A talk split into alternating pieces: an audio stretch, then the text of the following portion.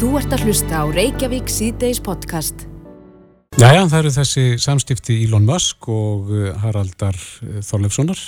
Já, uh, ansi kuldalega má segja eða Elon Musk hefur til dæmis dreyið um, heilsufar Haraldar í Eva mm -hmm. og vinnuframlag hjá Twitter. Haraldur náttúrulega seldi fyrirtæki sitt í Twitter og maður sér það að allt í einu er Elon Musk orðin sko hataðasti maður meðal íslenskra Twitter verja. Já, mörgum finnst hann sparka í manninleikjandi. Heldur betur. En uh, hann er komin til okkar til að ræða aðeins þetta mál, almanna tengillinn. Uh, Andris Jónsson. Andris Jónsson, velkomin. velkomin. Takk. Og þú þekkir Harald vel, ert æsku vinnur hans eða ekki? Jú, bara við erum mjög góð vinnir, þannig að það sá fyrirverðs í haður. Það er hérna, e, þannig að ég er náttúrulega alveg hlutlis í þessu e, og hef svo sem haft fylst með Elon Musk síðustu mánuði bæði á svona faglegum áhuga en líka ákveðin fórendran. Mm. Hann hefur fall, hérna Musk hefur verið hátt bæði peningalega, ég held að hann sé búin að setja metum að eigða að tapa auði. Mm -hmm. hann sé búin að setja, hann var ríkasti maður heims er það ekki lengur en það verið enginn tapað jafn miklum peningum og hann á jafnstund tíma. Og það er þessi uh, kaup hans á Twitter sem eru fyrst og fremst ástæðan. Mm -hmm. þetta hefa hlutabræðamarka líka verið að lekka en, en hann hefur tekið einhvers konar hann var með pálmann í höndunum Elon Musk. Mm -hmm hann var dáður, hann var að uppgöta, hann var að senda hérna geimför út í, í geim og hérna plana fært í mars og hann var með farmlega bílinn sem við öllum viljum kaupa og allir vilja kenna sig við eh, sem Íslandikar hafa keft í stórum stíl mm -hmm. Tesla og, og hérna og einhvern veginn hann og orðin ríkasti maður og langríkasti maður á tíðanbili gæti ekki gert neitt ránt og allir trúðu á hann Svo bara fjarnlendi vandraðum, það er endar alveg svona, eh, það kannski voru einhver merki, hann, við munum kannski þetta er hellamálun í Tælandi. Mm -hmm.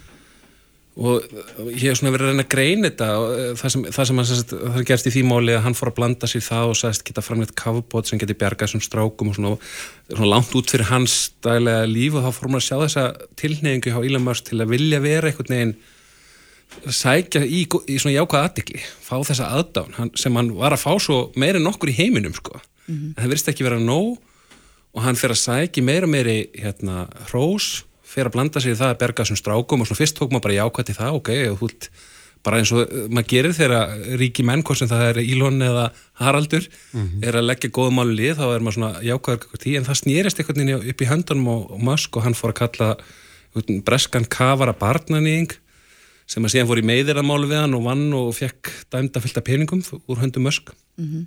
og hann svona sækir í einhvern veginn svona átök já mm -hmm. en, en, en þessi samskipti millir hans og Haraldar, hvernig byrjar þetta? Hvað gerist þannig eiginlega?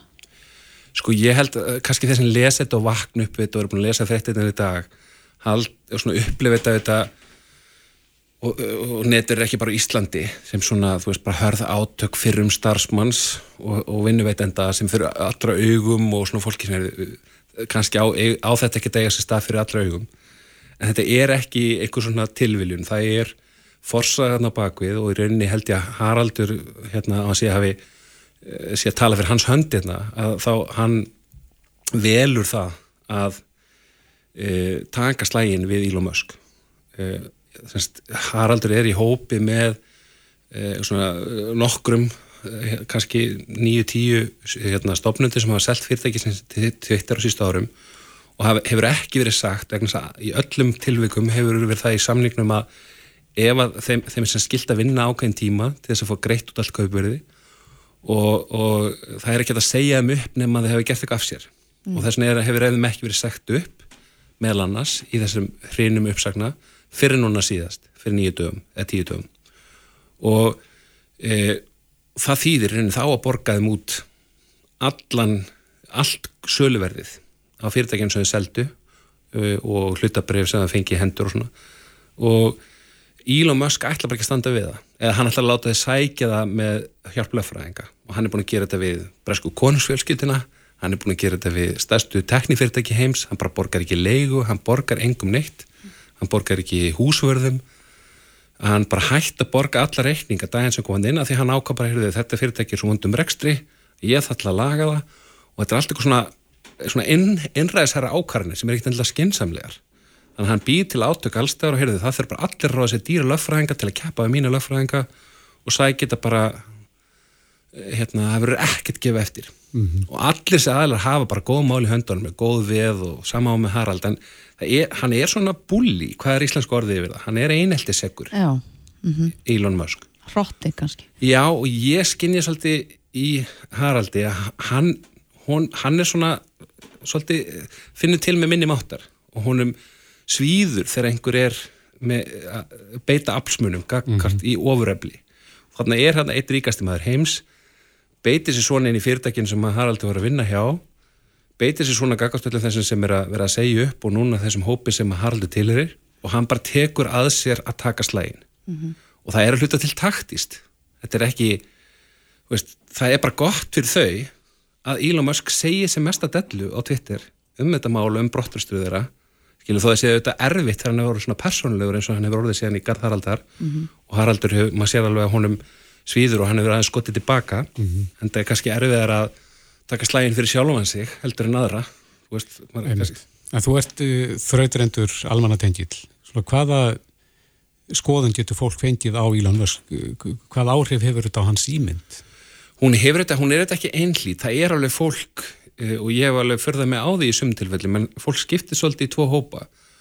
Uh, auðvitað, við ekki að taka af honum það sem hann á, það sem hann hefur gert. Ég meina, hann nýtur mikilvæg virðingar svona fyrir það bara fyrir sitt hérna, viðskita vit og, mm -hmm.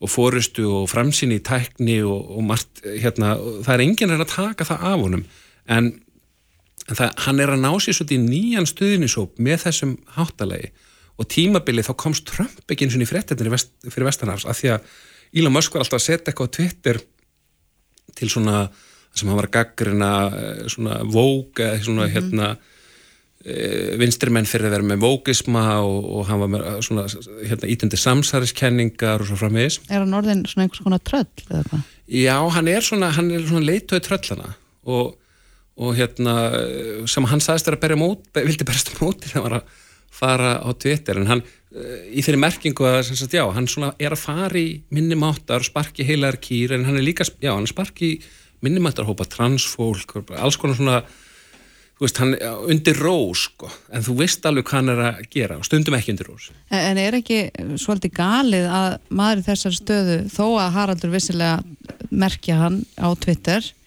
að hann svari Elon Musk? Sérst að Elon Musk svari Haraldi á Twitter? Jú, en það, ég held bara Haraldur hafi lesið hann 100% rétt og bara vita að það væri með yfirngandi líkur að myndi svara þannig er hann ekki múlið að fá neins svörum hvort hann hefur sagt upp, þar alveg getur hann ekki hafið neina málsókn uh, gegn Twitter fyrir að hafa sagt fyrir upp mm. ránglega að því hann er ekki með staðfestíku þess pappirslega staðfestíku hann sé ekki lengur starfsmæður hann er bara kemst ekki inn í tölvunum sína.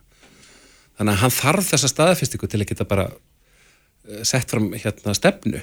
Mm. þannig að hann vantar að fá þetta staðfest. Þannig að það er það sem vaki fyrir honum í rauninni, í grunninn.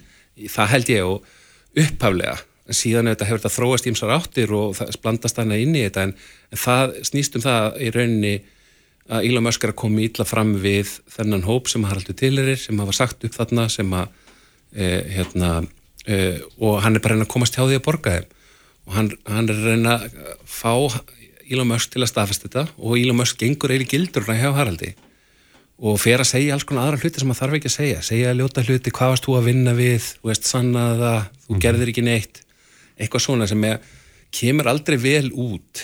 Þetta er einhverju sem að veist, eru, eru hrifnir af þessu og svona, það er alltaf einhverju sem styðja svona, hvað segir maður eineltisfrottan og við uh, hérna en, en þetta er fullari maður hann er í alvarlegum stöðum veist, hann er að framlega bíla og, og þú veist, það er búið að byrja að mæla það hvort að sko, þessi slæma ímynda sé fann af áhrif á bílasölu og það er í ákveðinu löndum farin að minka mjög mikil Tesla-salan þeir lækkur enda verði núna duglegum daginn mm -hmm. meðalans til þess að bregðast við þessu og, og, og það, það, það afhverju lætur hann svona? En mm -hmm. veist, Haraldur er einhver leiti bara lesa hann rétt sér hvernig hann hefða sér og fer í hann þarna takkar sérstaklega til dæmis tvei fyrirtæki sem eru heita Sequoia Capital og, og svo Andrísen Horrivits heita fjárstykasjóðin þessu tvo sjóði sem eru einu stærstu fjárstykasjóðir í stopnenda fyrirtækjum í bandaríkjunum og segir, heyrðu, þið hefur alltaf sagt að þið séust í liði með stopnundum allir þið að taka þátt í þessu? Allir að, allir að standa við stórorðin? Ég held að það var eftir það með alveg sem að Ílón svaraði honum að því að bara Haraldur er svo góður í þessu. Þess að setti ég á Twitter í morgun veist, hérna, þetta var ekki jafn leikur sko fyrir Elon Musk. Mm -hmm. að því að Haraldur er eiginlega betur en hann í því að eiga svona slag, hann er mjög, þó hann einmitt stríði þessa föllun og þurfa að skrifa allir þessa statuða sem einum putta á símanum, hann getur ekki skrifað liklaborð eh, þá er hann, hann með fullkomna ennsku hann skilur, hann kann að vera hérna, vera með grín veist, hann kann að vera líka auðmjögur Uh, hann, hann sínum líka verðing og segir þú átt fyrirtæki, mátt segja mér upp. Hann kann þetta allt miklu betur heldur en Elon Musk kann að eiga svona sænskitt þannig að sagði ég, heyrðu, þetta mm er mhm. bara akkurat maðurinn til að takast á við Elon. En svo fyrir Elon í þetta, heyrðu, þú ert bara þykast ekki geta unnið og ert bara hérna, týst allan daginn og svo þykast ekki geta að skrifa og fer í fölluna þá þetta kannski reyðist þar aldur og það er aldrei þetta gott að vera reyður Nei, En svona í þessari skákamilli þeirra tveitja er staðan 1-0 fyrir Harald Já, ég myndi segja sko, eh, hún sé 1-0 en, en hérna, þetta, hérna er með lúnir eftir svona, þannig að þú veist þetta, hann har aldrei aðeins að fórna sér í ennast lag. Hefur þið í honum í dag? Já. Hvernig likur honum? Jú, bara hérna, þú veist, ég, bara þokkalega sko, ég heyrði líka honum í gerðkvöldi þegar hann var að, hann er náttúrulega ótrúlega sko, var bara það fekk 20 myndum eftir að setja þetta inn, þá eru komin símtur frá New York Times og BBC og svo sá ég hverju hann svaraði þeim í morgun og, og hérna og, og hann bara með mjög flott flotta tilveitninar í hann. Og, og hérna þannig að ég, ég er þetta ekki hlutlegs verðandi vinnur hans en, en hann er algjör yfirbara maður og þessum hann áðan svona langt hann í Sílingundal og fullt af fólki eins og stopnundu Twitter sem að Ílón kaupi fyrir þetta gaf þeir heitlast af Haraldi.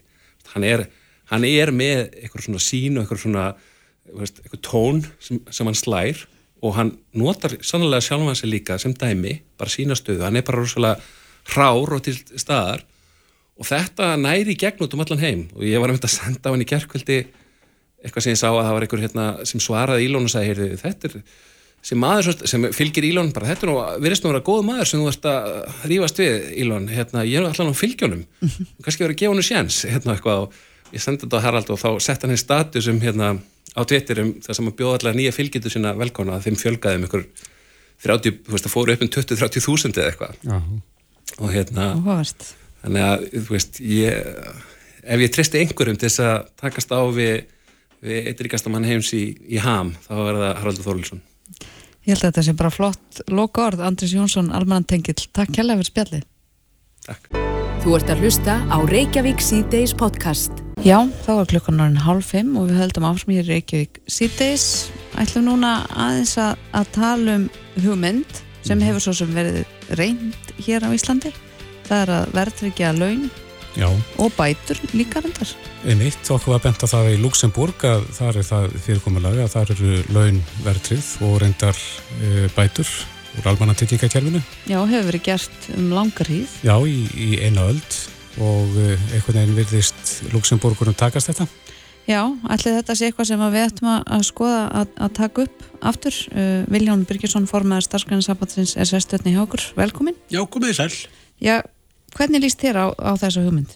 Já, eftir að Kristófur hafði sambandið mikið er og sendið mér þannig tvær greinar og þá uh, fór ég nú og ringdi í þar og það likur alveg fyrir að það er réttið svo þið segið að uh, verðtrygging launa kom á í Luxemburg 1921 mm -hmm. það voru jafnbreyta starfsmenn sem að e, byrjuðu, reyðu á vaðið og síðan fylgdu eftir óbyrju starfsmenn og svona sákat þessari grein án ábyrðar, ég svona las hana rætt yfir, mm -hmm. að þá verðist þetta vera að það komi þess að vísutölu hækkanir tvisasunum ári í Luxemburg, bara eftir því hvað verðbólkan hækkar mikið og þá eru launin leðrétt sem að, sem að því nefnur og það er tekið þarna sérstaklega fram að það er skoðað svo kallar svona vísutölu grunnur svona með helstu nöðsynjum eh, sem að heimilin er að, að nota og, og síðan er það leiritt ef að, að verðbólgan fer upp í 3,5% á 76 mánum eða eitthvað þýrlíkt, þá eru launin leiritt um það.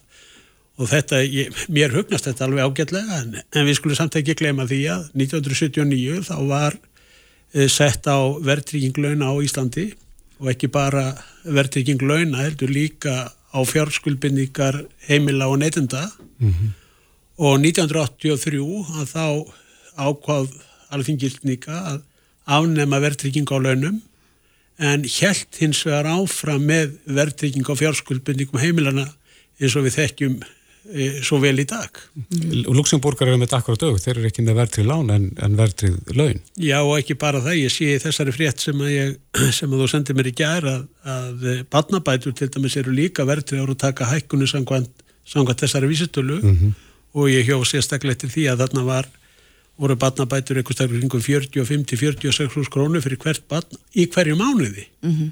og ég gæti ekki séð á þessari frétt að það væri neinar svona skerðingar eins og eru hjá okkur við höfum hins vegar verið ofta tíðum að berjast fyrir því hvað stjórnvöldum að reyna að hækka þessi viðmið upp hjá okkur eh, en að vera með þetta svona niðun jörfa þar sem þetta tekur eðlugum hækkunum þá, þá skiptir það miklu máli bæði fyrir barna, barnafjörskittur og, og, og, og þá sem að eru þau treyði fyrir slíkri vísistölu tengingu. Þannig að þarna fer þá ekki púður verkarísfélagin í það að berjast fyrir einhverjum launahækkunum? Já, það erum, er bara að gera sjálfgrafa? Nákvæmlega, við erum bara alltaf að elda skottu og sjálfum okkur ef að þannig má orði komast. Það skeitir líktlu fyrir okkur í verkefælisefinguna að okkur takist kannski að hækka launum 50.000 ef allt annað hækkar 70.000. Mm -hmm og við erum alltaf að hlaupa í ringi hvað þetta varðar. Þetta er kannski alltaf öðruvísið út í Lúsaburg því að við erum líka að, horfa á það að síðustu 10-15 ár að þá er 50% af verbulgun á Íslandi knúin áfram vegna frambóðskort á húsnæði. 50% af verbulgun á Íslandi síðustu 10-15 ár er vegna húsnæðisliðar inn í výstölunni. Þannig að það eru margir svona þættir en ég skil til dæmis kannski það sem er verið að horfa til í Lúsaburg með því að, að, að segja við Veslun og Þjónustu að að ef að þið hækkið verlaðið og mikið mm -hmm. þá þýðir það ekki nema eitt þið fáið þá aukna launahækkanir á okkur eftir sex mánuði mm -hmm. þannig að það er í þessu fólkin viss vörd að vera með þetta svona En, en hver eru gallanir við þetta að, að hafa svona kerfi? Gallanir ef maður les bara til dæmis sem að vísendavefurinn segir um þegar að verðtrygging var á Íslandi þá rauk eh, verbulgun upp úr öllu valdi vegna og, og kemur svo sem fram hérna inn á vísendavefnum að, að vikslverkun launa og verðlags hafi bara haldið áfram alveg hérna línu löst en ég held að sé bara mikilvægt að það verður einhvern veginn að verja sko launafólk og neytundur eh, gagvat þessum miklum verbulgum, það er ekki hægt látlust að, að láta bara almenning axla ábyrð á, á, á einhverjum óstöðuleika í íslensku samfélagi. Mm -hmm. En þetta verðist að hafa gengið velja Luxemburgurum í eina öld, en okkur tókst þetta ekki nokkur ár? Við, okkur tókst þetta ekki nokkur ár, en tæftu eftir, sko, hvernig þetta... Hver er munurinn? Eh, munurinn er sá, hér á landi er þetta oft þannig að það er verið að verja fjármagnið, verja þá sem eiga eh, hérna fjármununa í íslensku samfélagi.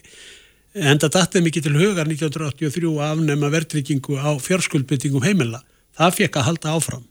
Þar með örðu til tvær krónur í, í landinu. Já og einn besta, sko einn besti gjaldmiðli heimi er náttúrulega bara verðtrið Íslands króna. Hún heldur alltaf raungildi sínu.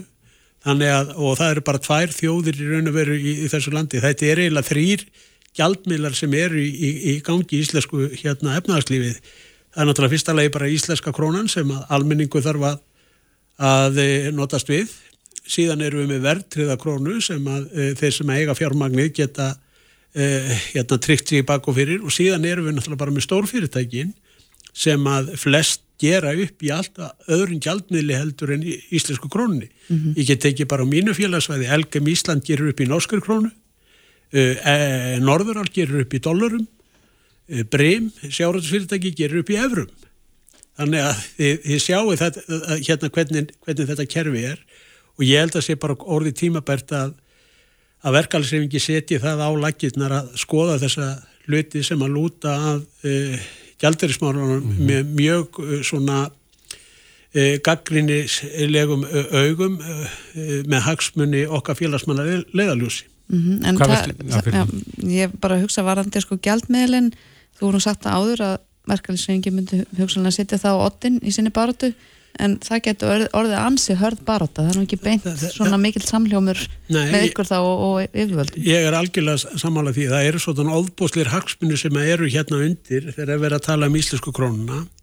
Og uh, en núna þurfum við bara að skoða með göngjæfilegum hætti hvað er þetta að kosta íslenska neytundur og ég fór nú að skoða því uh, frétt í dag uh, sem að var frá 2015 þar var talað um að íslenska krónan væri að kosta fjaramanna uh, fjaramanna fjölskyldu kringum 80.000 þá á mánuði sem er nú virt upp á 110 krónur.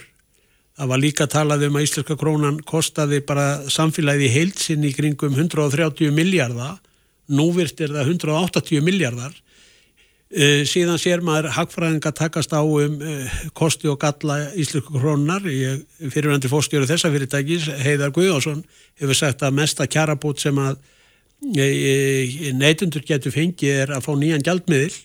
Þess vegna verður spyrmaða sig að því er ekki orðið tímabært að við fáum hlutlösan, óháðan mm. aðila til að vega og meta kosti og galla þess að taka um nýjan gjaldmiðil? Og við þurfum að, í mínum huga að fara út fyrir landsteinana til að finna þann aðila. Þú finnur ekki hlutlusan aðila í íslensku samfélagi. Eitthvað þá sem að allir aðilar gætu sætt sér við? Já, ég, ég, ég tel það. Það sko, Sælabankin gerði eh, úttekt á þessu 2011 ef ég manni þetta rétt eh, um að taka upp einhliða nýjan gjaldmiðl. Eh, Sælabankin í mínum, mínum huga er ekki alveg hlutlusaðili vegna þess að sjálfstæði Sælabankans byggist upp á því að, að vera með íslenska krónu ef þannig maður orði komast. Mm -hmm. Þannig að þeir komust að og, og, og, og þetta var nokkuð ítalísk íslaða sem að talaði um kosti og galla og það voru líka miklu kostir við það að taka upp, taka upp nýjan gjaldmiðl. En ég held að það sé bara mjög mikilvægt að þetta verði allt reiknað út því að það er ekki að þetta láta almenning bera alla þessa byrðar endalust og meðan aðrir eru síðan varðir fyrir þeim sveiplum sem við þurfum að ganga í gegnum mjög reglulega. En er þetta eitthvað rætt við samningaborði núna? Já, við erum svona byrjar að tala um þetta inn í verkefælisrengunni. Við erum nú með þing alþjóðsabassist núna í, í apríl og ég hefði nú bara mikið áhuga á því að verkefælisrengi myndi ræða þessi mál göngjafilega og svo er bara spurning hvort að alþjóðsambandið og við í, í, reyfingunum finnum eitthvað hlutlösan aðeila til þess að vega og meta kosti og galla þess og hvað kostar þetta okkar félagsmenn að vera með íslensku krona. Mm -hmm. Þið þurfum vantilega að fá ykkur aðra í lið með ykkur til þess að finna þennan óhagða aðila þannig að allir tættu marka á honum. Já, það sem að mér finnst eðlilegast væri það að þetta erði jafnvel bara þrýliða, jafnvel fjörkliða sangumulaða sem að kannski eh, stjórnvöld, sveitafélugin, eh, samtök aturlýsins og verkefælisefingin, jú og jafnvel sælapunktin kæmust að því að finna hlutlösun aðila til að fara yfir, yfir kosti og, og, og galla þess. Það er allavega ekki að horfa á það sko, það er ekki að horfa fram hjá því að þegar maður heyri svona tölur hvað þetta kostar að vera með íslensku krónuna fyrir almenning, takið eftir sko 80.000 krónur á mánuði fyrir fjaramanna fjölskyldu sko, og, og, og þetta er útreikninga frá því 2015 Myndi sá kostnæður gufu upp ef við tækjum upp annan gældmiðl? Uh, það er það sem að var verið að í að í þessum útreikningum að, að þetta var í fórnarkostnæðurinn fyrir heimilinn og þið getið ímyndað eitthvað fyrir okkur ef að slíku kostnaður fellur í burtu hvað það léttir á uh, sko launakröfum verkefælisreifingarinnar uh, ef, að, ef, að, ef að er mun ódýrar að lifa, lifa heldur, en, heldur, en, heldur raunin er. Þannig að þetta er að verða eitt eh, stærsta kjæramálið í, í dag. Ég, vistu það, ég er að komin á þá skoðu þótt að það vissulega komi, komi hérna svona gjaldirismálinn gjaldmiðlamálinn svona reglulega upp í umræðana strax eftir hrun var mjög hávært umræða 2011, 2015 en núna þegar við förum alltaf upp í svona mm, háa verðbólkutölur 10,2% vextinnir komnir hérna núna e, stýrivextir upp í 6,5% það hangir núna yfir heimilunum sko tvöföldun á vakstabyrði núna bara hjá fólki sem er með fasta vexti mm. sko það sem að greiðslibyrði mun aukast um þetta svona 150 skrunur á mánuði, tekja eftir 150 skrunur á mánuði þegar að uh, föstuvextirnir hérna losna, þá eðlilega spyr almenningu sig að því býtu hvað er raunverulega að og ég held að þessu komum bara á þann stað núna að, að, að fara upp úr þessu skotgröfum um það að, að það sé ekki eh, gallatins séu það miklir og, og, og svo framins. Ég held að líka hafi verið að þvælast fyrir þessar umræðu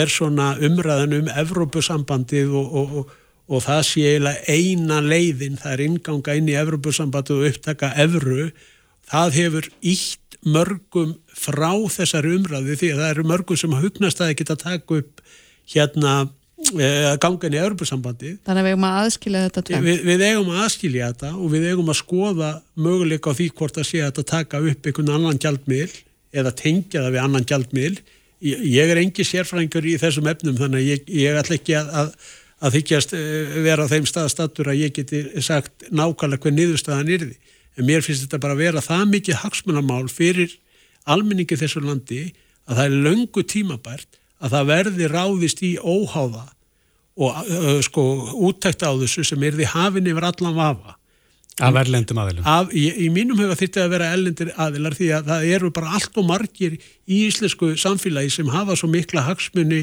í báðar áttir. Útflytningurinn hefur gríðarlegan hagað því að vera með íslensku krónuna þar sem er að, að, að fella gengið til að, til að styrkja sko útlýtningstekjurnar hjá, hjá þessum greinum og svo framvegs. Svo gera þessir aðilar allir upp í, í, í öðrun gjaldmiðli heldur í íslensku krónunni. Mm. Og það er brínt, segir að... Gríðarlega brínt ég, og það kostar ekki neitt að láta skoða þetta. Viltu láta skoða þetta áður en að uh, kjærasamleika verða undir þetta er ég, ég, í haust? Við, ég held að við erum nú í viðræðum og sko, viðræður okkar við samtöku aðlýs eru nú þegar byrjar. Mm -hmm. Við áttum fund með þeim í dag þess að við erum að ræða bara og, og erum að viðræða þessar ágjur okkar af verbulgunni og þróun og næstu mánuðum. Húsnæðismarkaðurinn allir þessi auk, hérna, aukninga á framfyrslukostnaði heimilana varandi matur og annars lít við erum að reyna að skoða hvað getur við raunverulega gert í þessu. Ég held að þetta sé eitt af þeir stóru máli sem við þurfum að láta skoða. Mm -hmm. Já, einmitt það, við höldum að vorum fylgjast með því. Vili Hálmur Byrkisson, formadur starfskrænasambatsins Takk hjá Leifur Spjalli Takk, takk. Þetta er Reykjavík C-Days podcast. Já, við höldum áfram hér Reykjavík C-Days og í dag fengum við eh, upplýsingar úr nýjum talnabrunni landlæknis embættisins mm -hmm. og þar kemur meðalans fram að fjórðungur íslendinga stundar áhættu drikju. Hvað er áhættu drikja? Það er bara mjög góð spurning. Þau eru sestinni hjá okkur Rapp Magnús Jónsson, verkefnastjóri á embætti landlæknis og Valgerður Rúnarsdóttir, forstjóri og frangotastjóri lækninga á Vogi. Velkomin í bæði tvö. Takk fyrir það. Ef við byrjum að þér rafni talnabrunurinn er komin út Já. með þessum upplýsingum. Hvað er, er áhættu drikja? Við byrjum þar.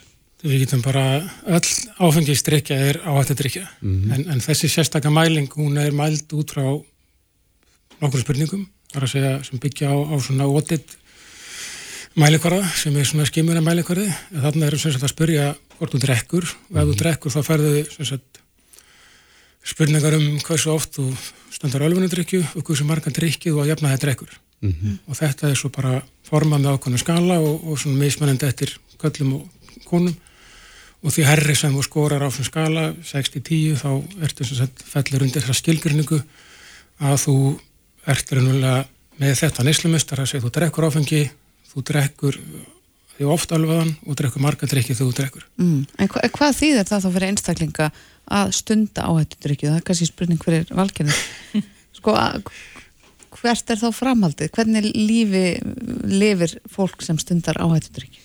Ég held að þetta er um sem bara sé bara, sko, vennilegt fólk sem lifir vennilegu lífi en, sko, áfengi er náttúrulega ekki, hérna þetta er výmöfni mm. og það er fylgir í auðvitað áhætta að drekka mikið, þú veist, það er ekkert mjög hættulegt að drekka mjög lítið.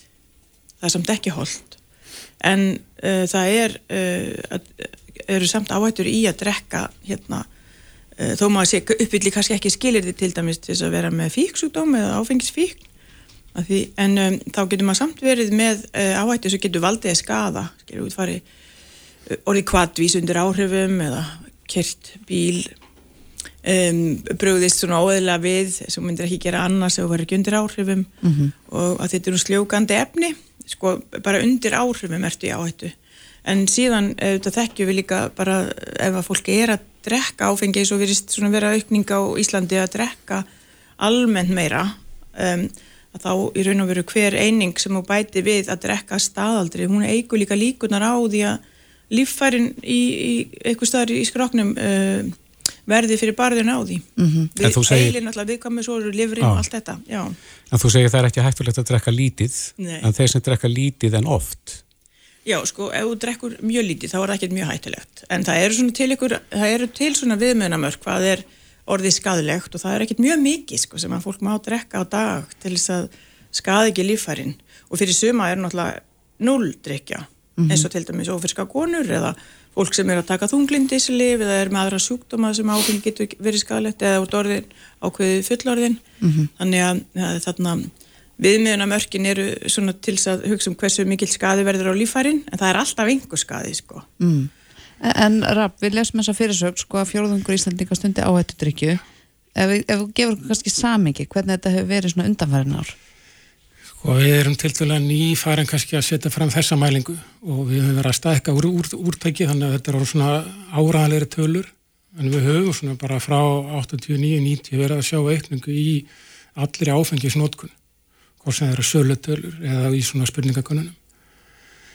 Og við sáum ákveðin topp í öllu 2018 sko, svo við þess úr því 2019 Sennilega hefur verið einhver kaupmáttur, sterkur hann að fólk átt meiri ráðstöðuna fyrir eitthvað 2018 sem við erum ekki alveg búin að sjá. Mm -hmm. Svo byrjar að draga þessu úr því aftur 2019, þá verður svona 2017 að 19 eins, dregur aftur úr því í COVID, mögulega út af því að það eru samkomið takmarkanir, veitingastarlókaðir, sjáum að það er minnst eða mest, dregur mest úr í þessum hóp aldurshópum sem er kannski af stundanættilíði meira. Og svo núna 22 þá erum við svona komin á að nálgast 21 sko. þannig að það er greinlegt að við sjáum mögulega kaupmáttur og ágengi hefur hann áhrif mm. sem er samramist bara við það sem við vitum úr rannsókum erlendis frá. Já, aðeins varðandi sölutölunar, ég heyri stundu vangaveltur um það að nú hefur ferðamennu fjölga til dæmis. Eru ferðamenn sem að hinga koma, sem að eru að nálgast 2 miljónir eh, inn í þessum tölum? Þeir eru ekki inn í þessum tölum. Þetta er staðla sko 15 ára veldri Íslendingar eins og er í öllum öðrum samanbörða ríkjum sko en ég menna við förum alveg mikið út Ó, En er þetta skilgreynd í sölutölum hjá átíðaferð? Hverjum þeir selja? Hvort þeir selja Nei, við sjáum það ekki Þannig að En ef við myndum bæta verið... bara ferðamennunum við þessum færi miljónum þá myndum vantilega lítrunum fækka mhm. mm -hmm. per höfuðtalar þannig að það er ekki hægt að skýra þetta engungu en við getum séð aðeins í áskýrslum átíðaferð mögunin á því annars verða sem er selt í vinnbúðunum og það sem er selt annar staðar en greitt áfengiskeldi af mm -hmm. og sjáum að það hlutallegur aðeins breyst það voru aukist það sem er vesla fyrir utan vinnbúðuna mm -hmm. þannig að mögulega skýrist það í veitingastöðum sem eru það kannski, eða hótelum sem eru það kannski mögulega ferðamenn mm -hmm. eða það mögulega núna kannski síðust áran í, í netsölunni frægum um, Ég veldi einu fyrir mér og þetta er kannski mikil ofur einföldun á, á vandamálunu en einu sinni bara þegar ég er að allst upp og vantarlega Kristofur líka og Bræi þá var mjög algengt í öllum sjónastáttum og bíómyndum að það var reykt og reykt vel mikið og svo var gerð ákveðin herrferð og nú sér maður ekkit eins mikið af því hins vegar held ég allir þættir sem ég horfi á um sterkar kvennkins fyrirmyndir þær fá sér alltaf áfengi vinglas eftir vinnu til þess að slaka á og, og losa tögarnar hefur þetta áhrif? Mm -hmm. Klárlega það er ekkert sem hefur eins mikið áhrif á neyslu eins og að minga, eða sérst, auka aðgengi. Og það ger eitthvað aðlagandi, það er auka aðgengi. Uh, og verðstýringi mest að hérna, aðgengistýringin og allt þetta. Og þú varst að tala um hérna, með tópakið að það varum gert átaka, var sko ekki bara átaka þetta var alveg meira hóttar mikla breytingar. Og fyrst og fremst það sem að stjórnul gerðu með því að stýra aðgenginu á tópakinu og dróð svona mikið úr reykingum og eruð mikla viðhásbreytingar líka í kring, kringu það. Vinnulögjöf og máttur ekki vinna í reyking, tópasreik og svo framvís en uh, það er svolítið merkilegt að sjá þar sem að hérna, talnabrunnurinn frá ennbættinu er síni núna. Þetta er alveg helst, alveg nákvæmlega hendur það sem við erum að sjá á sjúkrósunu vogi með hvað gerðist hérna í COVID.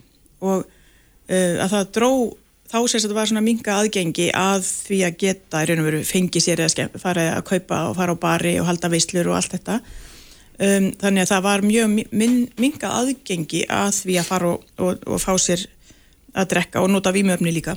Og það dró úr, úr uh, hérna, eftirspurn í þessum yngstu aldursópið að yngri 40 ára í meðferð. Bæðið sem voru nýjir og líka hinnum mm -hmm. þannig að þetta er og svo er það að koma tilbaka aftur núna. Þannig að helst mjög hendur þetta er svona alveg bara æpandi uh, hérna, sagt, uh, stuðningur við það hversu aðgengið er mikil stjórn á neistlu og svo þá í kjölfarið vanda sem er tengdu neistlu því það er alltaf einhver, einhver hlutfall af neistlu er, er verðu vandamál mm -hmm. En, en uh, nú er mikil umræða og hefur verið um áfengistrykju og, og, og náttúrulega margir mjög mótfallinni því að leifa til dæmis áfengissölu í, í maturverslunum og þar fram til göttunum en samt verður ekki þessi viðhórsbreyting eða hvað? Ég held að við höfum síðan að ég myndi að fara eins og þú veist að lýsa með hana bíómyndunar og, og konunnar að, að það, þetta, er, sko, þetta er eitthvað sem við höfum ekkert í raun hérna þessi venjulegi borgari neitt vald yfir sko, þetta er alveg ofur efli í markasetningu sem við erum að eiga við sko, mm -hmm. þannig að það er engi tilvílun hvernig hlutinir leið að fara sko. Það má alveg kannski segja um þetta áfengið hefur svolítið tekið við af tópakinu þarna og það eru gríðarlega markasöfn sem eru að sko, kosta innsetningu, alls konar vöru í þætti, sjónvarsmyndir, áberendi að tegundin er sérstaklega komið fyrir í mynd sko og þarna er bara gríðarlega fjármunir. Sko. Verður tekið á þessu eins og reyningunum haldið þið? Ég ætla að vona það. Það er hellingsvinn að fara inn í gang á allþjóða heilbjörnsmálstofnunni og á Európa-sambandinu. Ég, ég er einn að stemma þið stegum við þessu vegna þess að sko Európa drekku mest áfengi af öllum heimasála alvonum og er að verða fyrir mestu skadan sko. mm. þannig að það er svona nú þurfum við bara að gera eitthvað og fara kannski bara sömu leið sko, mm. ef ekki vilja að fara sko. Gott þess að minna okkur alltaf á hvað hérna, þetta er lúmst, sko, áfengistir ekki eins og lúmsk eins og þú ert að segja, þetta er bara svona með öllu, þetta er eðlilegt og færður og skálar og bjórin og allt þetta, en allt er þetta áfengi. Og, og hérna við ættum bara að opna betur augun yfir hvað þetta er og og, og tala meira um, um hérna, það er svolítið, kannski, mér finnst líka að vera svolítið í tísku að tala svona um áfengislausan nýfstíl, en hérna með smargi vil ég að spurja um það og tala um það og, og, og það er bara eitthvað sem við ættum bara að virkilega að tala meira um og reyna að beina fólki í þátt en að frekar heldur en að auka aðgengi að áfengumdyrkjum. Það er nefnilega svolítið skrítið bara kannski að við koma að hérna að því að þessi skadlegi hlutur sem er í áfenginu það er etanóli sko þannig að hvort sem það er í bjór eða léttvinn eða sterkuvinn, það, það er alltaf það sem er ska, skadalegt sko mm -hmm. og ef þú er bara með reynd etanól þá þarf að vara við því sem skadalir veru og leður búin að blanda það sem áfengadrygg þá þarf ekki að vara við því það er bara mjög undarlegt Já. Aðeins hérna, áður við fórum í loftjóðan Valgjörður, þá nefndur aðeins nekotín púðana Já. það er aðeins komið inn á það í talnabrununum og neyslan á þeim hefur aukist uh, tengist þetta eitthvað inn á þessa fíkn almennt? Já, sko, nikotínfíkn er mjög sterk fíkn. Mm -hmm. Það þekki allir sem hafa ánitjast nikotín í hvaða, hvaða, hvaða formi sem það er og hvaða getur verið erfitt að hætta. Mm -hmm. Og það hefur mjög mikla, te, mikil tengsl við fíksúkdóm líka á áfengis- og výmöfnafíkn og lang, langt flesti til dæmis komið meðferð eru með nikotínfíkn líka og hafa oftast hafi neysli sinna á því eða allavega svipa leiti. Þannig að, en maður hefur miklar ágjur á þessu flæði á nikotínbúðum sem að eru alveg eh, sko bara, þetta er bara vilt að vestri, það er bara ódýrt og aðgengilegt og smart, bara ríkalega flottar auðlýsingar og, og ekkert skrítið þó að það sé aðlægandi þetta virist bara að vera skalust kvitt og skemmur ekki já, ekki, lítar ekki tennurnar eins og tópaki sem eru að hverfa. En, en þetta er alveg gríðarlega varasamt og mjög, mjög áanabindandi og, getur, og hefur áhrif á heilan, þetta er náttúrulega efni sem hefur bara áhrif á heilan fyrst og fremst. Og nikotíni sem fólk notar í þessu búðum er miklu meira magn heldur en er í, í reiktópakinu og, og síkaretunum. Já, maður nú líka herst frá tannleiknum að þeir eru að taka móti ungmennum sem eru kannski ekki að taka einn púða í vörina, Nei. heldur kannski fjóra, fimm. Og það verður varanlegu skaði á tannholdi og ég hef séð fyrirlistu frá tannleiknum það, svo það er nú óhugulegt. Og svo líka eins og við hefum heyrt um þessa eitranir sem að, að því börnin gera auðvitað eins og mamma pappi sting upp í munnin þessu í dósónum og, mm -hmm. og þau koma á, á slís og varna móttökuna með eiturannir það er talsveit um það vist og það er svona, þetta er eiturefni sko, hægilegt Rétt aðeins í lókinrafn eh, þarf að bregðast eitthvað við? Nú likur þessi niðurstaða fyrir neyslan er aukast, hvað þarf að gera? Já, það er góð spurning. Við þurfum bara að gera það okkar aðeins í brók, við þurfum að, að hérna, hafa virka stefnu í áfengisvímörnum og við þurfum bara að tryggja það að við höfum að, segja, að við höfum þetta takmarkaða aðgengi eins og við höfum í dag. Við höfum vinnbúðinar það er eitt af því sem að alltaf helbjörnstofnun mæli með að maður haldi. Við þurfum að hafa virka verðstýringu þannig að, hérna, það verð ekki raun verð lækkun áfengi þegar að kaupmáttur ekst mm -hmm. ég veit að þetta ljómar ekki tróðsvæðilega skemmtulega fyrir fólki úti sem er alltaf að tala um hvað áfengi er dýrt. Það þarf vitundavakningu líka, eh, ekki bara með almennings, kannski líka meðal heilbriðu starffólks, félagsjónustu, sem er kannski snertiflutur við þá sem eiga mögulega vanda að stríða til þess að ástofa það fólk við að draga úr það þarf ekkert til að hætta og það verður kannski bestur þann sem að er með þannig hérna drikkjumistur en, en svona bara vitendabækningu þurfum við að ná kannski eins og við náðum með úlengadrykkjunum sinni tíma þá þurfum við bara fullurinn að vakna með okkur sjálf mm. einhverju við þetta bæta valgjörur? Nei, þetta bara ljómar mjög skeinsalega og svo bara vera varbergi gagvart enginni með fíkn sem er þegar þú ert að drekka meira þú ert ánaði með og vilt hafa drikkjun öðru sem gengur ekki upp þá, þá er alveg full ástæði til að skoða það mm -hmm. Já, einmitt það. Raff Magnús Jónsson, verkefnstjóri á Embætti Landlæknis og Valgjör Rúnastóttir, forstjóri og framkvæmtastjóri lækninga á Vogi. Takk kjærlega fyrir spjalli. Takk sem leðis. Takk fyrir að bjóða. Þetta er Reykjavík C-Days podcast. Síðast á solaringin þá spurðu við því við þá skonnun, stiður þú að stopnaður verði íslenskur hér til varnar landinu? Já, þetta er svona í framhaldi að tala okkur um bókina Íslenskur hér eftir Arnór Sigurjónsson. Hann kom til okkar í gerð og rætti þessar hugmyndir sínar. Mm -hmm. Eh, ég er mjög spennt að vita þessar niðurstöður. Já, það var svo sem alveg kannski eins og maður bjóst við að Íslendingar er ekkert mjög hrifnir af hér. Nei, við erum stolt af því að vera herrlust þjóð. Já, 84,1% svöruðu spurningunni neitandi en uh, 15,9% svöruðinni játandi. Einmitt, en það er spurning hvort það sé eitthvað vit í þessari hugmynd um að stopna hér íslenskan hér. Hann er sesturni hjá okkur, Friðrik Jónsson, sérfræðingur í öryggis og varnamálum. Velkomin. Takk. Já, ef kannski bara byrja þar, sko, að vera með íslenskan her, er þetta eitthvað sem að þér hugnast? Ég er nú, verð nú bara að játa það, ég hef nú ekki velt þessu, þessari spurningu mjög mikið fyrir mér hvort við ættum að stopna hera því að hún hefur alltaf haft yfir sér yfirbræð pólitíks ómöguleika þannig að uh, ég hef nú frekar vilja einblýna á bara hvaða verkefni er það sem við þurfum að gera og vinna í, í þá eigin varnar og öryggismála mm -hmm. Uh, ég fagnar endar útgáðu bókar Arnórs Vinnaminnst, mér finnst uh, bara mjög gott og þart að, að hann komi fram og veldi upp þessari skoðun sinni og, og færi fyrir henni ákveðin rauk og, og, og svona skýri hvað hann er að hugsa í þessu. Af því þú kemur með tölunar 84-16 var, var hérna niðurstæðin í skoðanakonninni mm -hmm þannig að ef við tökum vinnumarkaður í cirka bá 200.000 þannig að þá þýðir það að 32.000 vinnufæra manna eru, eru til í að stopna hér þannig að það er búið að, er búið að manna hér inn og vel það. Já, já, og varaliði líka. Og varaliði líka, við ætlum að herma upp á þá sem stýða eh, en, en án uh, sko þetta er samt engin ástæðilega að hafa þetta reitt í, í flintingum það sem Arnur bendir á í, í bóksinni eru að, að það eru atriði sem þarf að, þarf að huga á að gera.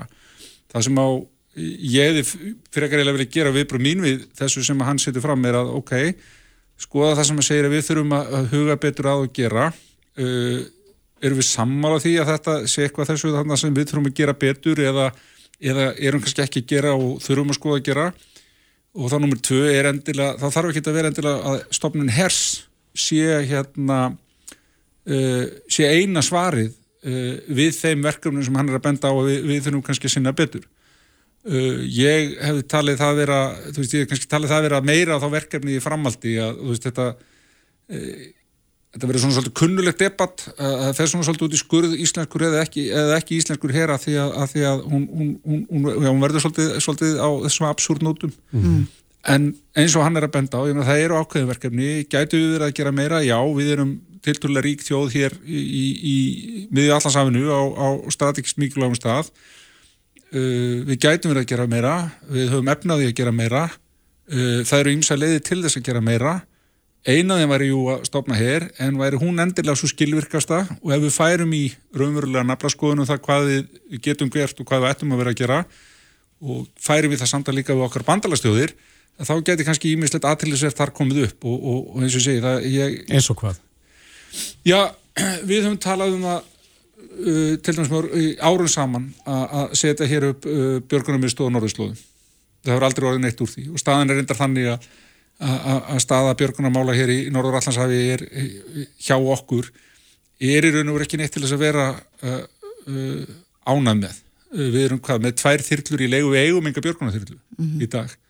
Uh, þannig að ef við gerðum betur í þeim efnum þá er það eitthvað sem myndi nýtast bæði borgarlega og hernaðlega. Þú styrkja þá landelgiskessluna? Það myndi, myndi styrkja landelgiskessluna.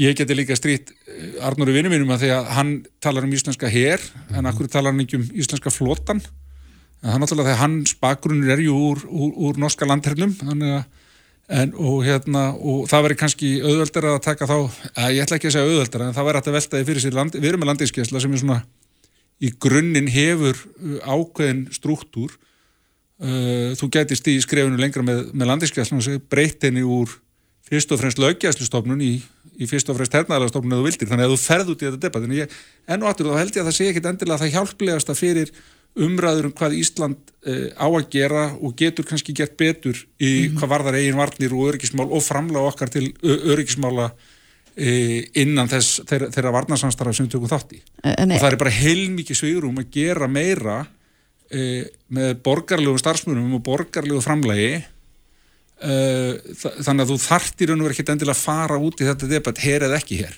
En eina spurningunum sem að Arnur velti upp hérna í ger við okkur var sko hvað stjórnvöld myndi gera ef að hér kemi fyrirvaralaus árás mm -hmm. og þá hafa nú komið einhver svör frá ráðamönnum um að Björgunarsveit lögregla væri nýtt í það Tollverðir, já Já, tollverðir Er það skinsamlegt?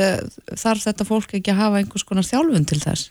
Já, ef, ef að svarið við spurningunni er þetta, við ætlum að nota uh, þetta ágæta fólk til slíkra, uh, til slíkra starfa að þá kannski einmitt væri rétt að horfa til þess hvernig ætlum við að skipulegja það, hvernig ætlum við, hvernig ætlum við að þjálfa, hvernig ætlum, hvernig ætlum manna, hvernig, hvað ætlum við að gera varandi búnað. Er til eitthvað plan ef að þetta kemur upp sem að kannski virðist vera mjög fjárstæðikend? Sko, við erum náttúrulega sjálfsögðu með, við erum sjálfsögðu með varnarávallinir en, en hérna ég get ekki farið að fara í, í eitthvað smáadrið það hvað, hvað fælst í þeim eða fælst ekki í þeim en það lítur atrið að að ætlast til einhvers af einhverjum að, að sá einhver viti að því að það er verið að ætlast til einhvers af honum eða henni. Að hérna, en þetta verður þá atriðið til að horfa, horfa í. Uh, það er, það, það lungsaga líka fyrir því að þú sett með í raun og veru geti kalla til uh, borgaralega starfsmenn uh, til, til svona verkefna að hafa áþarf að halda. En, en eins og sé, það, er, það eru alls konar leiðir. Er þetta endilega leiðin? Nei, ég held að, ég held að í raun og veru fyrst og fremst það sem við fáum út úr þessari áskorun Arnórs uh, með þessari bókar, að við, að við, við hugsa meira og hugsa lengra, hvað er hægt að gera? Á að eigum að gera þetta? Uh, ég, og sé, ég horfa þetta fyrir mittliti, ég horfa þetta, finnst þetta mjög áhugavert. Mér finnst Arnór leggja ágætlega hérna, fram rökin fyrir því hvað hann er að hugsa. Mm -hmm. sjálfur kemst ég að annarinn í stöðu, hérna svona bæði praktist og pólitíst, að ég held að það sé bara hægt að gera einfallega tölvört meira.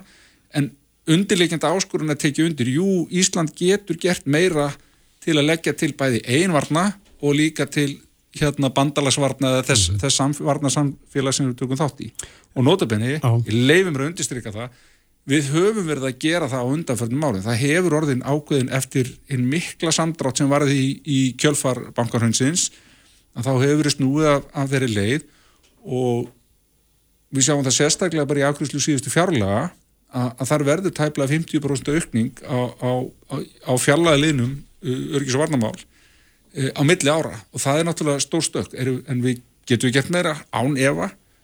Og, og ég held að ef, ef þessu bóku eru svona kvati til þess að við höldum áfram og í þá vinnu hvað getum við gert, uh, hvað eigum við að gera, hvað getum við mm. sleft hvað þurfum við að kalla betur eftir kannski samstarfið okkar bandalagstöðurum þá er það allt jákvæmt.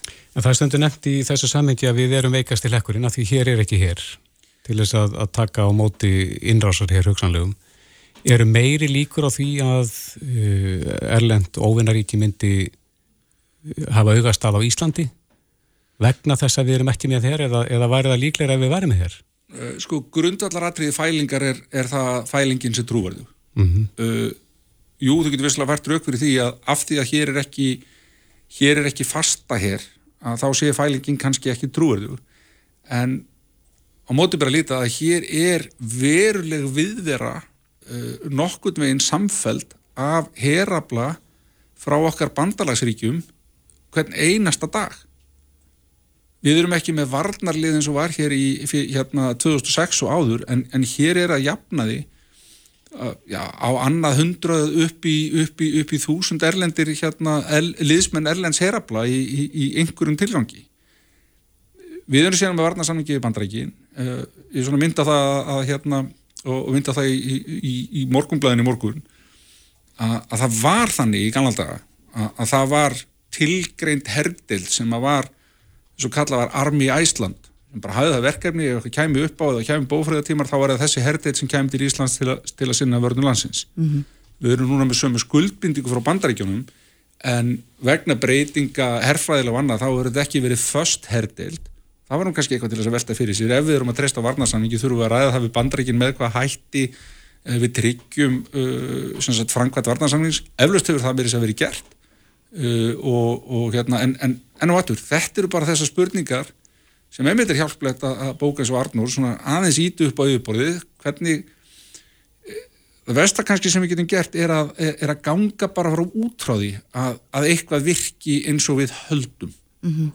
Og það er það tröð sem við hljótum að vera að setja til okkar stjórnvalda er það að við treystum ykkur fyrir hérna, að, tryggja varnir og öryggi landsins það er sérstök þjóður öryggi stefna uh, að eftirfylgnin í henni sé efnislega, hún sé trúverðug, hún sé efnislega það sé verið að gera eitthvað sem að lift gera það verkum að þjóðaríkri stefn henni verður framfylgt þegar hólmiðuðu komið. Mm. En hversu mikla líkur telur á að stríðsátök breyðist út um Evrópu núna næstu mánuði vikur?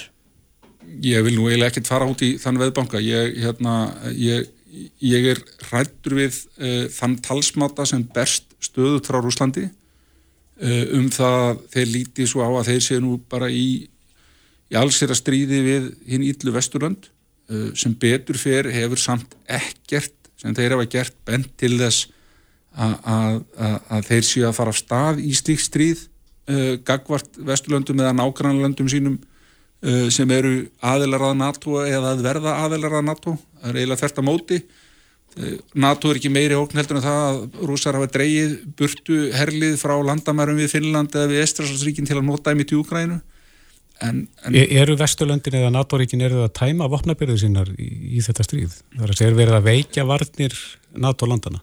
Þetta er, þetta er náttúrulega vangavelta af því að það er verið að láta, hérna, láta ógrunum en hátvöluðt mikið á vopnum og, og, og vistum og aðfengum þannig að þetta, kalla, þetta stríðu kallað á endurmatt uh, meðal allra bandalarsríkja um það hvernig er verið að forgámsraða inn í, inn í, inn í varnir uh, ríkjana þannig að fjárfesting í búnaði fjárfesting í aðfengum það er alveg augljóst og þetta er alltaf að, að taka breytingu það hefur verið að, að fara að bæta í herrgagna framleyslu og slíkt til þess að mæta breyt, breyttu örgisungurvi og uh, já, þannig að við erum að horfa fram á það að það er verið að fara að auka vopna framleyslu og, og, og, og svona við výbúnaða framleiðslu til þess að mæta þessu nýja áskorunum að því að einmitt heimurinn er eins og Arnur brendir á, brendir á hérna, það er breyttur verleiki, nýr verleiki og því þarf að mæta, því miður þarf að mæta því eh, með þessum hætti. Og hérna eh, sá friður sem við töldum okkur búið við, hann var, hann var greinlega aðeins hann var aðeins byggður á, á, á ofmikilli óskikju mm. Þannig að í rauninni er þessi bók ágættis kveikja að umræðinni en við þurfum þá að geta tekið umræðina út af þetta er, þetta er ansi viðkvæmt. Já, við höfum gallin í okkur er það að við höfum enga, við höfum svo litla sögu í þessum málum. Eh, ég hef stundu notað tekið sem dæmi hérna hulduljóði hér sem að tapaði í, í, í, í þjóðsvangskeppninni í 44 að þú veist geimdrottin okkar dýra landir duna, gerðar stríð og, og þú veist það er svona eitthvað svona, já það veröldin öll, sko veröldin öll má brenna bara nema Guð og passar upp á okkur að því að við unnum farsal fróð og, hérna, og frjálsviðist að haf sko, svo friðsal og svo frammiðis mm -hmm. þetta, er svona, þetta er svona viðþór sem er skulum við orða svona það, það, er, það, er, það er það er bæði yfirlitislegt og kannski svolítið kjánalegt mena, við getum ekki skiluð okkur frá restina veröldinni við verðum fyrir áhrifum af því sem er að gerast í restina veröldinni tala mikið um jörgis og varnamálunum þegar að öryggi er ógnað í, í okkar ná, nágrannlöndum og ógnað í Evrópu, þá förum við ekki varhluta því og við þurfum að huga því hvernig tryggjum okkar einvarnir en líka ef við trúum á gildin og frelsið og svo framins, hvernig leggjum við til. Já, setja punktin hér Friðrik Jónsson, sérfræðingur í öryggis og varnamálum. Takk fyrir komina. Takk fyrir mig. Reykjavík síðdeis á Bilginni podcast. Já, nú vantar klukkuna 11 minnir í 6 og þingmaður framsvonarflóksins, hann Ágúst Bjarni Garðarsson Hann skrifaði pistilinn á vísi í dag undir fyrirsögninni Ungt fólk í húsnæðisvanda sem er nú kannski ekkit nýtt á nálinni en eh, Ágúst Bjarni er með ákveðinu tillögur til þess að reyna að bæta ástandi. Já, Ágúst er komin, velkomin. Takk fyrir það. Já, hvað leggur þú til? Já, eins og Lilja saði hér í, í byrjun að, að þetta er kannski ekki nýtt en það sem að að mínum að þetta er kannski nýtt í þeirri stöðu sem við erum í í dag við erum auðvitað í þessu verðbólku ástandi, við erum með Sælabankan sem er að hækka vexti og einhvern veginn reyna að hæja á öllu hækjörun okkar mm -hmm. og einhvern leiti getum við sagt að það sé eðlilegt uh, en það sem, að, það sem ég er kannski að benda á og hefur kannski verið, er ólíkt núna uh, bara á þessu ári og, síðasta og verður inn í fyrirsjálega næstu ár er að það eru húsnaði í uppbyggingu. Við getum tekið dæmi í Kópavók, Reykjavíkuborg var að setja sér mjög metnaðafull markmið um uppbyggingu til næstu ára. Það er búið að vera gríðarlega uppbygging í Hafnarfyrði á síðustu árum og þú ert með húsnaði uh, sem er annarkort komið inn á markaðin mm -hmm. eða er að koma á markaðin núna bara á allra næstu mánuðum. Á meðan þetta er að gerast að þá er Sælabankin eins og ég nefnilega eh, hef oft nefnt bæði í ræðu á þingi og í greinaskrifum að, að taka uh, allharkalega handbremsuna og mm. svona kæla markaðin og við getum auðvitað að einhverju leiti getum að sagt, ég, ég svona skil hvað er að gerast, við höfum auðvitað eins og við þekkjum allt og höfum þekkt í allt og langan tíma að sjá gríðarlega söblur á fastegnamarkaði, við förum upp mjög hátt verð, svo kæluðum markaðin upp og þetta, þetta er því miður verið trendi hér á landi. Og við þurfum einhvern veginn að ná að koma böndum á þetta. Og ég vil meina það svona áðurinn ég kem kannski að kjarnanum að þessi verkefni sem að yðnaðar á þeirra hefur verið að ráðast í núna var þetta það auka allan fyrir sjáanleika hvað við og yfirsín sem að hefur skort bara síðustu áratögi uh, varðandi það hvað við erum að byggja og hvað við munum þurfa að byggja bara með að við eðlilega mannfjöldaspá og fólksfjölgun. uh, á næstu árum að þá held ég að muni koma meira jafnbægi á húsnæðismarkaðan og við förum ekki að sjá og munum ekki sjá ja, uh, brattar hækkanir á markaði og við höfum verið að sjá kannski síðust ára og ára tugi. Mm. En það sem er að gerast núna, að mínum að því, nú erum við búin að, eins og ég seg, sagði hér aðan, nú við búin að takja handbremsuna, uh, okkur fjölgar, fólki fjölgar, uh, við erum með ákveðin hópi samfélaginu sem eins og við öll og, og held í flest hafa svona óskýr og þrá um að koma sér og sínum þakki yfir höfuði, alveg saman hvort umræðir uh, hérna kaupendamarkaðurinn að kaupa sér fastegn til þess að eiga eða að komast á svona, hvað segir maður uh, skinsanlegan og helbriðan leikumarkað að því að öll vilji við hafa, hafa húsnæði. Mm -hmm. Nú erum við með þetta húsnæði til staðar en þá er Sælabankin búin að grípa til þessar aðgerða og ég vil bara segja það að ég er ósamal á því þrátt fyrir það, maður skilji hvað, hvað hann er að gera, en bara þær aðstæðu sem við búum við í dag uh, að, að mér fannst, finnst það ekki kalla á þessi yktu viðbröð sem að Sælabankin hefur grepið til uh, þar að segja eins og hann gerði hér í upphafi þegar við fórum að sjá verðbólguna rýsa það var uh, settur aukinn þungi í greiðslumat og hámarslánsprosentan var lækuð allverulega mm -hmm. að mínum að því þá finnst mér fullkomlega réttmætt að það sé liti til uh, greiðslu mats og það sé tryggt með uh, mjög ábyrgum hætti, ef svo má segja að fólk geti staði við þær skuldbindingar sem það að, hérna, er að ráðast í. En varðandi hitt uh, hámarslánsprosentuna uh, að þá hefði ég viljað sjá hana óbreyta og þetta segi ég bara vegna þess að um leið og Sæðlabankin grípur til þessar aðgerða og gerir uh, kaupendum erfiðara um vik að komast inn á inn á markaðin að þá óttast ég það mjög að, uh, og við bara sjáum það í fréttum, að mm. leikumarkaðurinn hækkar og hvaða áhrif hefur það á fólk? Jú, það, það mingar möguleika fólks til þess að leggja fyrir og sapna sér upp eigið fyrir til þess að komast inn á markaðin setna og svo óttast ég annað í þessu að það er það að þeir sem að uh, raunverulega hafa peninga á milli handana fjárfestar, jafnvel fjárfestingafélög fari núna inn á markaðin með mjög afgerandi hætti og kaup upp eignir, mm -hmm. komið þeim jafnvel fyrir í leigu og selji þegar uh, betur árar hér í samfélaginu. En þetta er svolítið ómöguleg staða samt sem áður út af því að ef við hleypum fyrstu kaupundum inn á markaðin þá er ungt fólk sem á alla framtíðina fyrir sér að þá fara að skuldsetja sig fyrir kannski 50-60 miljónir.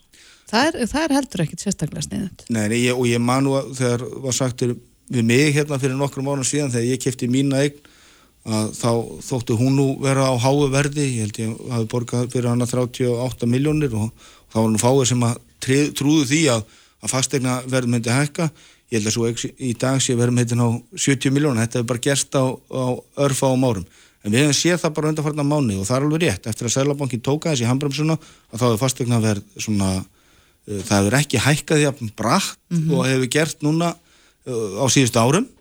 Og það er einmitt það sem ég segi að því nú erum við komið með plan. Nú er, nú er búið að leggja það til.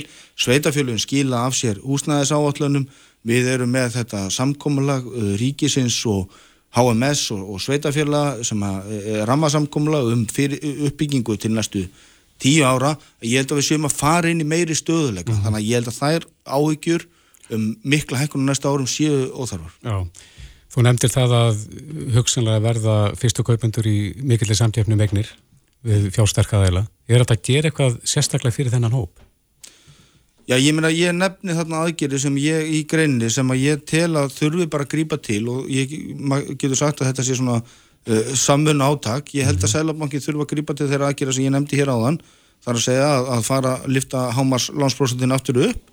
Fyrir þá þennan hóp sérstaklega? Fyrir þennan hóp sérstaklega og, og svo held ég að sveitafjölög, þrátt fyrir þessa uppbyggingu sem ég nefndi hér áðan uh, þurfa að, að fara með meira þurfa að fara með meiri krafti inn í þessa uh, samfunnu við ríkið um, um uppbyggingu til næstu ára vera, Það er langtímaverkefni Það er langtímaverkefni Það verk, uh, þarf hérna aðgerið núna, eða ekki? Jú, en, en ég segi bara það er, það, er, það er fjöldi íbúða sem er til ég get nefnt hérna bara í nákvæmlega okkur höfuborgarsvæði, kjördami sem ég er í. Við getum farið í Moselsbæ, Kóbó og Garðabæ og Hafnarfjörð, það er umtalsvert magnaði vignum sem þar eru í byggingu og eru tilbúnir eru tilbúnar fyrir fyrstu gömmutur við mögum ekki fara að þanga þessum samfélag eins og ég nefndi hér áðan að, að þeir ríku verða ríkar en aðri setja eftir, fólk sem hefur jafnvel uh, fullkomna burði til þess að fara út á markaðinu dag. Einmitt að Já, við setjum punkti hér, Ágúst Bjarni Garðarsson, þingmaður Framsvonarflokksins, takk fyrir spjallið og áhuga samir geta að lesa þennan pistilinn á vísi.is. Já. Reykjavík síðdeis á Bilginni podcast. Það er komið góði gestur. Heldur betur, Sigga Kling, spákona með meiru, hún er sestinni hjá okkur. Velkomin. Komið í sælalsumur. Uh, eh, ég náttúrulega get ekki farið í gegnum mánuðin á þess að lesa stjórnusbána frá þér. Takk fyrir það. Hún er komin á vísi. Í hvað merkirstu? Meja. Já. Mm -hmm. Nú er megin náttúrulega allsræðandi í dag því það er fullt tungl í meiu. Ó! Oh. Megin á þetta tungl. Hvað þýðir það fyrir mig? Uh, það, uh, sko, uh, það þýðir það að, að það er ofsalegu kraftu sérstaklega yfir meginni og megin hún er svona hjálpsöm og, og vil létta lífið hjá fólki og allt þetta. Og, og þessi dagur er ster, svona ofsalega sterkur fyrir akkurat megin og gaman að ég skildi spurja þig. Mm. Og, eh, en við erum að lifa í svo hröðu þjófélagi og hröðu allstaði bara öllum heiminum að við stoppum ekki við stoppum ekki við náttúruna við stoppum ekki við neitt það er náttúrulega, það eru börnin og, og, og það eru svo marga reglur í því og svona bara að, bara að lifa er orðið allt of hratt mm -hmm. og það sem er óslulega gerast núna er að, að þessi breyting þannig að reyndar að koma end eftir á stjörnusbá eða stjörnu ári það er eh, um næstu mannaðamót og uh, þá byrja nýtt stjörnusbá ár uh, eða stjörnumerkja ár og uh, núna er svo mikið vægt að, að, að því þetta þeir segja svona frá þeim miðlum sem að ég hef lesið frá þeim stjörnusbyggingum sem að ég hef lesið að þetta sé eitt bara mikilvægasti svona orkutímabili sem við verðum í í 2000 ár Já, Já. hvað gerist á þessu, þessum tíma? Uh, sko, hérna, á þessu tímabili reyndar á morgun skiptir ekki öllu, þá er mm. hérna hérna skal ég segja um þetta, þú veist ég Ég er svo mikið raði á mér alltaf sko. Raði í samfélaginu Þú ert engin undantekning Nei, sko? ég, undan, ég kalla það að fara undan sálinni Já. Þú fer svo rætt að sálinn nærðir ekki Ok, það er þetta mjög vel orðað Já, og, og, og líka þegar munið eftir hérna áður fyrr, þá var bankað og undaðir þá fór mm. sálinn og undaðir og bankaði sko. Þú veist, að því að þá var hugsaðir svo stert að það heyrðist bank mm -hmm. og hérna Sartunes eh, er að fara skal ég segja þér í fiskamerkið og, en, en eh, fiskamerkið núna á morgun og, en fiskamerkið er vassmerki og það leysir upp hlutina og það er ég með fullt tungli, eða ég með tungli fisk, fiskum og það er svona rosalega mikið að, svolítið mikið spiritual crazy fólki þar og við erum í svona hóp og hérna og núna er bara svo mikilvægt að, að gera töfra og ég var bara að fatta í dag okkur að maður á að gera þakklæti Mm. Taki, takið eftir því. Þegar þið þakki fyrir eitthvað þá er vibrasjónin eða það sem þú sendir frá þér svo falleg í staðin fyrir þegar þú ert að byggja um eitthvað. Þú veist, þú byður öðruvísi um en þú þakkar fyrir. Og þess vegna bara, þú veist, að stoppa aðeins, staldra við. Þú veist, hafa bara hafa bara, hafa bara frið og, og leifa börnunum líka að vera með Ég, þau, ég myndi samt halda sko út að lýsa þessari orku. Já. mesta orka í 2000 ár nei, ættum- ekki mesta. Nei, Nei, mestu skiptingar eru Ah. núna á næstu þremur mánuðum sko, því að Mhm. það gerist náttúrulega ekki bara í dag.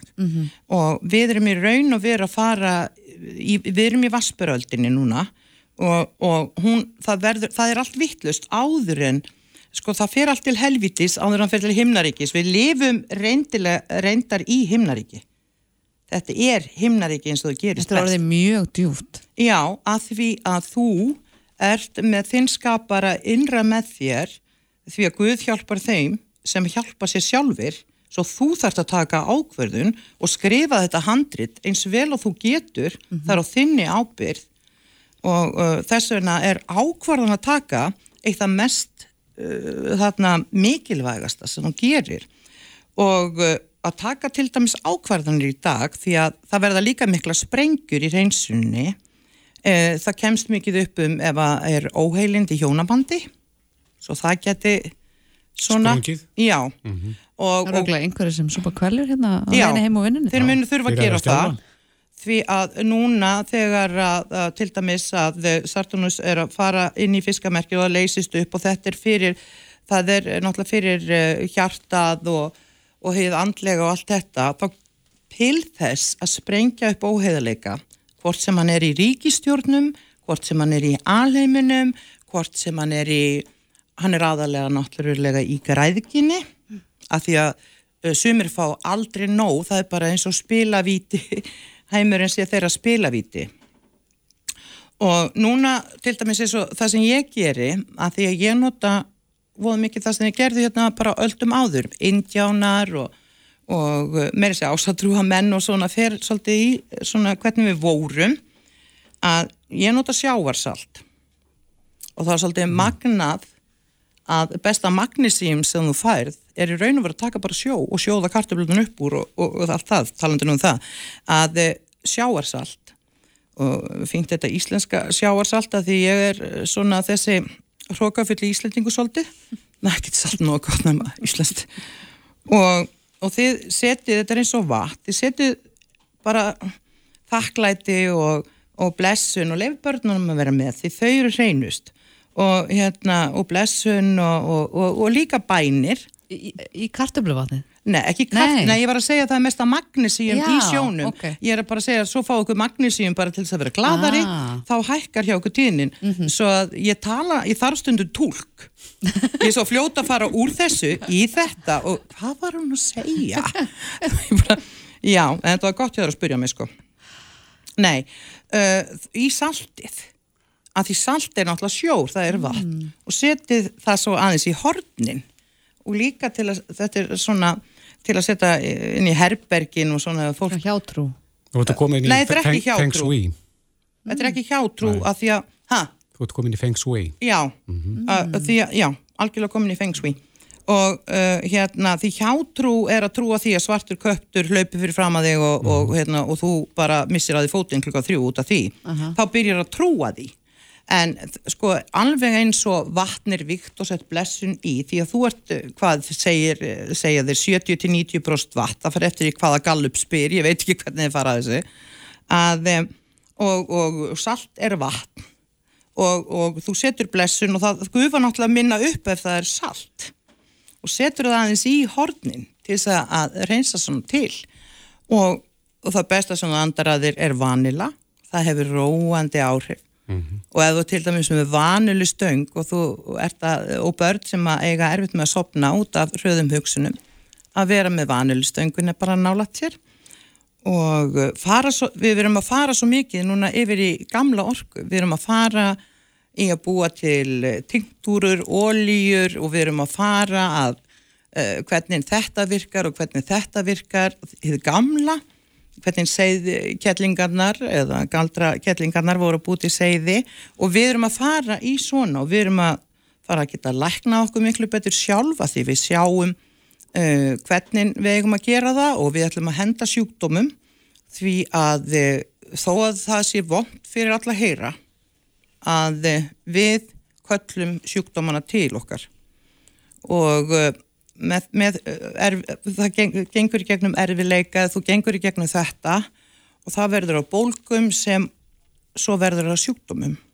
En þessi tími sem hún talar um sig Já.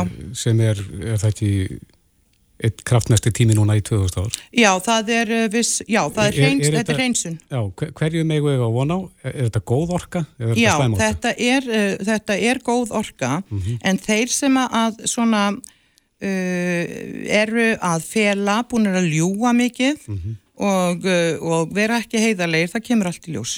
Það, svo að uh, þetta er... Uh, Er verið að fletta ofan af? Já, og þetta verður í fjölskyldum verður miklu erfileikar að því það kemur í ljós að því að það vil ekkit, við viljum ekkit allt komi í ljós, við erum öll með eitthvað sem við viljum alls ekki að þú veist, uh, farið á netið. Og, uh, og hérna, og það verður friður meira yfir, við tökum það er það, en það er, við erum að klessu geira pínu. Við erum að fara út með ruslið. Við erum að fara út með ruslið og þegar við förum út með ruslið, tákgrænt, því ef við gerum tákgrænt, því við erum það sem við hugsum, að þá, þá er það orkan.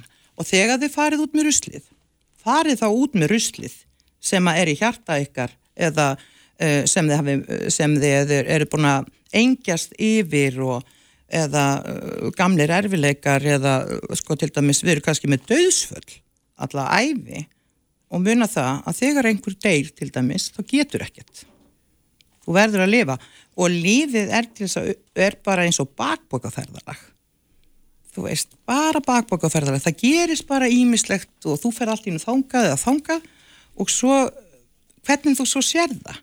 Sumir sjá bara svart þó þau segja allt nema hamingjan. Sumir sjá bara hamingina þó að þú veist það fer eftir í hvernig þú horfir á það. Og, og svo er það líka ég ætla að fara með eina möndru ég ætla að kera ná ennsku sem að, að hún er frá Hawaii og er til þess að taka ríkið úr sálinn okkar svo þau verðum svona fersk og, og, og, og, bara vöknum bara hamingisöm og ég vildi þýðana á íslensku en það er bara ömulagt að þýðana á íslensku af því að það eru ekki til ná sterk orð þarna. Og þið eigi bara að segja I love you I'm sorry please forgive me and thank you að því að það er náttúrulega að þýða á íslensku I'm sorry og please forgive me það er eiginlega sama orði, við getum ekki sagt afsakið og fyrirgefðu og því það vantar Er þetta eins og dag? Eða? þetta, þetta er ef þú sagt, ef þið líður illa yfir einhverju uh, og ef þú gert einhver, eitthvað rámt eða, eða rétt eða, eða vilt losna við eitthvað á líkamannum og svoleiðis að þá talar þau svona til þess. Þetta er svona, þeir nota þessa búin að nota þessa möndru í þúsundur ára þarna uh, frumbyggjar Hawaii og það er alltaf rosalega gott að skoða frumbyggjana í lífinu og, og hvað fólk gerir í sveitunum og, og, uh, og allt þetta. En við erum að fara í mjög gott ár Íslendingar sko. Frábært. Já, mjög Gott gott, að ár. En ég ætla líka að segja að það er vasperi, ljón, nöyt og sportriki er að fara, er að, það er að leysast af þeim eh, miklir eh, svona, mikið þungi er að flettast af þeim. Svo að eh, það er svo margt að fara að gerast þar til dæmis Gott að heyra, ég vil ekki að láta þetta bara vera loka orðin enda á, jákvæðinótonum Heldur betur.